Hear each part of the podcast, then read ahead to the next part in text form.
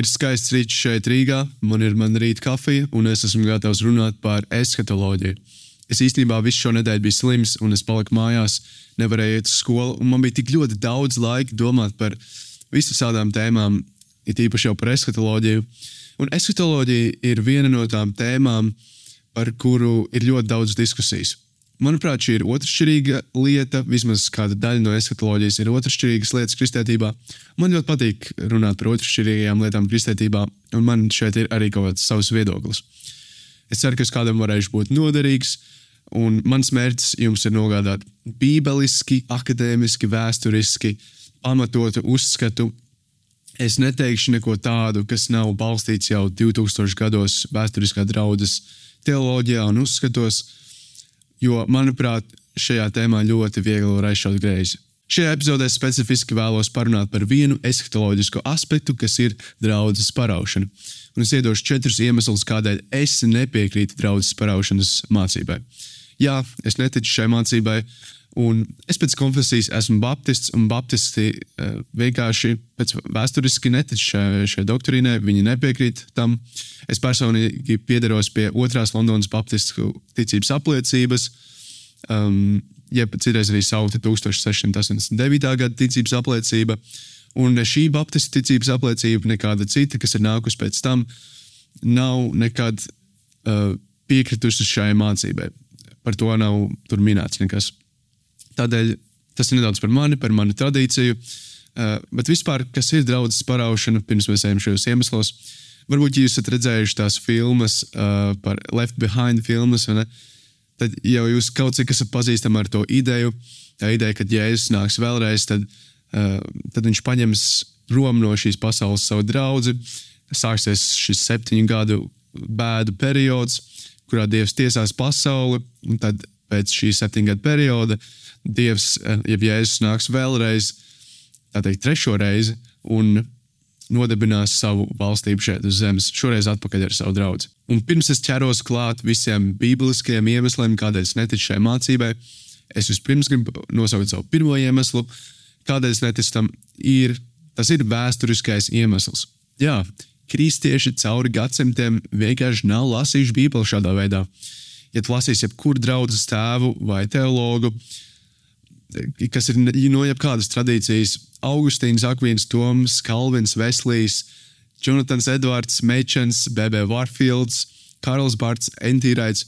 Visi šie vīri pārstāv pilnīgi citas uh, kristietības daļas, tradīcijas, bet viņiem kaut, viņi kaut cik ir viensprātis jautājumā par to, ka tad, kad Jēzus atnāks, notiks mirušo augšām celšanās, Jēzus pilnībā atjaunos radību, valdīs pār zemi, ja mēs dzīvosim jaunajā ēdenē, mēs būsim pārāsti, Un eh, šajā, šajā jaunajā ēdenē, kurā ir šī debesu realitāte. Un šis draudzes paraušanas uzskats izveidojās tikai 19. gadsimtā. Tu nekur agrāk neatradīsi ne, eh, šo draudzes paraušanas uzskatu. 19. gadsimtā kāds vīrs, Džons Nelsons Darbijs, kurš ļoti popularizēja dispensacionālo teoloģiju, kas ir īsumā, ka draudzene un Izraels ir vēl joprojām atšķirti arī jaunajā derībā. Uh, ka Dievam ir gluži vai divi atšķirīgi glābšanas plāni, gan draudzē, gan Izrēlam, ka, ka viņam ir citas derības, un caur šo dispensacionālo teoloģiju darbīs arī sāka mācīt šo paraušanas mācību. Un interesanti, kā pašā sākumā cilvēki nemaz nebija pretīm nākoši šim uzskatam, jo tas vēl skatījās ļoti liberāls uzskats. Uh, cilvēki tieši, tik tiešām nevēlējās tik ātri viņu pieņemt līdz uh, iznāca Amerikā Skofilda studiju bībele, un, kura ļoti atbalstīja šo paraušanas uzskatu. Un tad lēnām Amerikā konservatīvajos apļos šis uzskats palika, jeb nevis konservatīvajos, bet fundamentālajos apļos šis uzskats palika par konservatīvo uzskatu. Un 19. jeb nu, teiksim, jau 20. gadsimtā tas bija tik tālu, ka ja tu nepiekrīti šai, šai doktrīnai, šajos fundamentālajos apļos, tad tu pilnīgi biji gluži vai traks. Un Latvijā es īsti nezinu, kā ienāca šis uzskats. Es minētu, ka to popularizēja kristīgais radio, bet gan jau tas nebija vienīgais iemesls. Un, protams, tas automātiski nenozīmē, ka, to, ka šis uzskats ir nepatiess. Ja viņš nav atrodams vēsturiskajā kristietībā, jā, tehniski cilvēki 2000 gadus varēja lasīt nepareizi Bībeli. Bet mums vismaz vajadzētu uzdot jautājumu, kādēļ šis uzskats nav atrodams vēsturiskajā kristietībā. Un mums vajadzētu būt nedaudz skeptiskiem pret, pret uzskatiem, kas nāk tik daudz, tik daudz gadsimtus vēlāk caur kaut kādu vienu vīru. Otrais iemesls, kādēļ es neticu draudzes paraušanas mācībai, ir bībeliskais iemesls. Un vispopulārākais teksts man tā šķiet, ir, kurš tiek izmantots, lai atbalstītu šo draudzes paraušanas mācību, ir 1. Thessalonikiešiem 4. nodaļa. Un šajā raksturvietā Pāvils mierina Thesalonikiešu draugu, jo uh, viņa draudzes locekļi mirst, un viņiem rodas jautājums, kas tagad notiks, kā šie mirušie cilvēki varēs būt daļa no Dieva valstības, kas nāks. Un uh, Pāvils viņus mierina. Viņš saka, tad, kad Jēzus nāks, tad eh, šie mirušie augšām celsies, viņi būs pārvērsti, un mēs kopā ar viņiem tiksim aizrauti gaisā pretim tam, tam kungam. Un cilvēki tajā laikā būtu ļoti skaidri sapratuši, ko Pāvils viņiem mēģina pateikt. Jo Pāvils izmanto šo ilustrāciju, ka ķēniņš, kad nāk uz pilsētu, viņam izskiem pretī cilvēki un viņu sagaida. Un tā ilustrācija bija ļoti populāra tajā laikā. Vienmēr, kad tad, pirmkārt cilvēki, mirušie cilvēki tika apbedīti ārpus pilsētas, blakus tam ceļam, kas veda uz pilsētu. Un tad, kad nāca kāds ķēniņš, vienmēr vai ķēniņš, vai imperators, vai kāds, kāds vienkārši augsts, augsts persona, kurš ir kā viesis, kad viņš nāk pretī pilsētai pa šo ceļu, vienmēr tika izsūtīti kādi cilvēki viņam pretī, lai viņu pavadītu uz pilsētu. Pāvils izmanto tieši šo pa, pašu, tieši šo pašu ilustrāciju. Mēs to zinām tā, tāpēc, ka viņš piemin kādu, kādu specifisku vārdu perūzin, kad, kad Kristus nāk. Šis vārds grieķiski arī vienmēr tika izmantots šādā šīs ilustrācijas kontekstā. Un Pāvils, lai mierinātu šo tesalonikiešu draugu, viņš pielieto šo ilustrāciju Jēzus atnākšanai. Tad, kad Jēzus nāk, tad šie mirušie, kas ir tajā ceļā, ceļās augšā un kopā ar mums, kas ir šajā pilsētā, vai tie, tie kur vēl būs palikuši dzīvi, kopā ar viņiem viņi tiek aizrauti patbešos pretim tam kungam, lai viņu pavadītu atpakaļ uz pilsētu. Un tieši šī pati ilustrācija ir ar jaunavām, kuras gaida līgavaini. Kad līgavainis ierodās, tad eh, visi netaisnē paliek ārpus pilsētas, un taisnē ieiet kopā ar līgavaini pilsētā, un vārti tiek aizslēgti. Tāpat arī atklāsmes grāmatā mēs redzam, ka ārpus pilsētas ir netaisnē un iekšpus pilsētas ir taisnē. Un citur Bībelē Kristus atnākšana arī nav slepena. Mēs redzam vairākās vietās Bībelē, kur Kristus atnākšana vienmēr ir ar troksni, vienmēr ir visiem redzama. Nevis kā šajā paraušanas mācībā, kur uh, tas ir ļoti slepeni, vai tajās filmās, ka Kristus atnāk, bet tas ir tik slepeni, ka neviens par to nepamana. 1. korintiešiem 15, kas arī daudzreiz tiek izmantots. Uh, šajā, šī ir tā augšām celšanās nodaļa, kas ir Pāvēlam uh, korintiešu vēstulē. Un būtu loģiski, ja Pāvils vismaz būtu pieminējis vispār kaut ko par šo draudzes paraušanu vai par atsevišķām nākšanām. Bet Pāvils pat neiedod tādas kategorijas, ka mēs varētu izveidot kaut ko tādu. Pāvils vienkārši runā skaidri, ka tad, kad jēzus nāk, tad ir augšām celšanās, un mēs tiekam pārvērsti jaunos ķermeņos. ķermeņos. Matei 24 arī bieži vien tiek izmantots kā atbalsts šai mācībai, ka būs draudzes paraušana. Jo tur taču ir rakstīts, viens tiks atstāts, viens tiks paņemts. Taču tā interesantā lieta par Mateja evaņģēliju ir, ka Mateja evaņģēlijas 24. nodaļa māca tieši pretēju. Un tas ir arī mans trešais iemesls, kādēļ es nepiekrītu draudzes parādšanas mācībai, ir, ka Bībele māca pretējo. Un, ja mēs palasām Mateja 24, no 37. panta līdz 42. Dievs mums iedod, ja Jēzus mums iedod paradigmu, Jēzus mums iedod piemēru Noas dienas. Jēzus saka, jo kā bija Noas dienās, tā būs arī cilvēka dēla atnākšanas laikā. Jo kā bija tajās dienās pirms plūdiem, tie rīja un plītēja, precējās un tika precēti, līdz Noā iegāja šķirstā, un tie nenāca pie saprašanas, līdz sākās plūdi un aizrāva visus.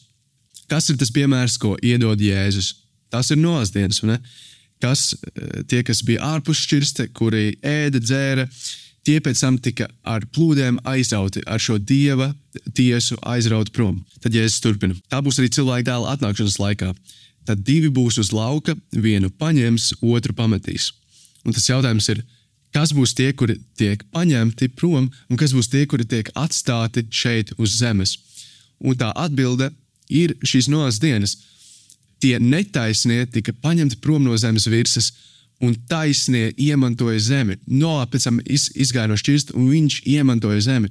Tāpat arī mēs uh, netaisnie tiek teikt, aizņemti prom, aizrauti prom ar dieva tiesu, un taisnie ir tie, kuri pēc tam iemanto zemi.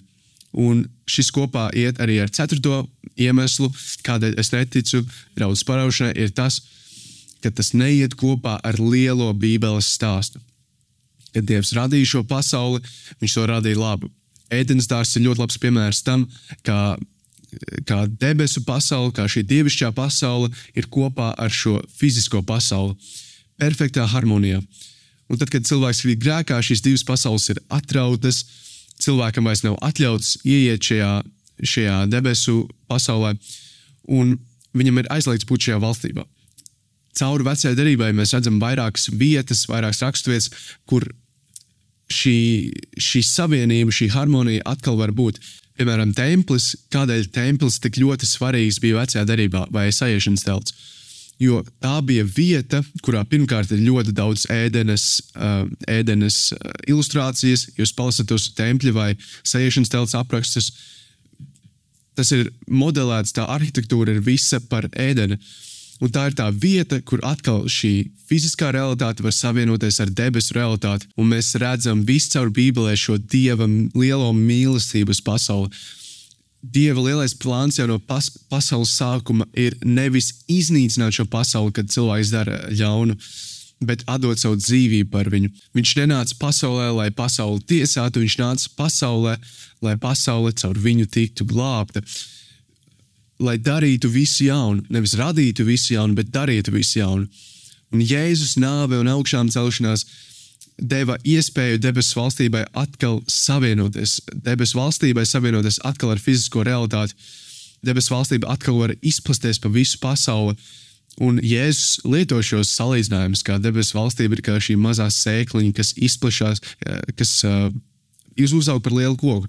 Debesu valstība ir kā šī, šis augs, kas tiek, tiek ielikts uh, mīklā, un viņš izplatās pa visu mīklu. Un brīdī, kad Jēzus nomirst, tempļa priekškars tiek pārplēsts, un no šīs vietas, kur mājoja Dievs, šīs debesu realitāte, tagad tā var izplasties pa visu pasauli. Gluži kā jau es teicu, un atklāsmes grāmatā Jānis redz, ka šajā jaunajā Jeruzalemē tempļa vairs nav. Un ši, jo šis jaunais templis ir Jēzus kopā ar savu draugu. Jaunais templis ir Kristus un viņa līgava.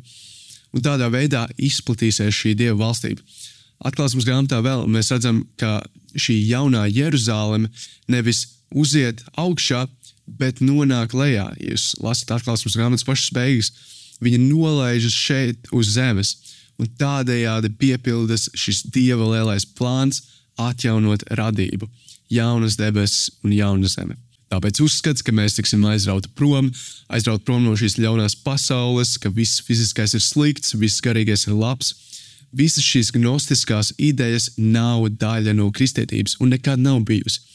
Visas šīs idejas tās nav atrodamas Bībelē. Tā kā šis ir mans uzskats par šīm lietām, ja jums ir kādi jautājumi, vai ieteikumi, vai iebildumi, droši atstājiet tos komentāros. Es mēģināšu uz visiem atbildēt. Ja būsim vienkārši pazemīgi šajās lietās, es arī to cenšos darīt. Un, ja jums ir vēl kādi ieteikumi, vai jūs gribat dzirdēt manas domas par vēl visādām tēmām, kaut vai eskatoloģiskām tēmām. Droši rakstiet komentāros, vai man ir arī Instagram konts, jūs droši, droši piesakot un rakstīt man tur. Tā kā es ceru, ka es varēju būt palīdzošs, un tad jau tiekamies nākamajā reizē.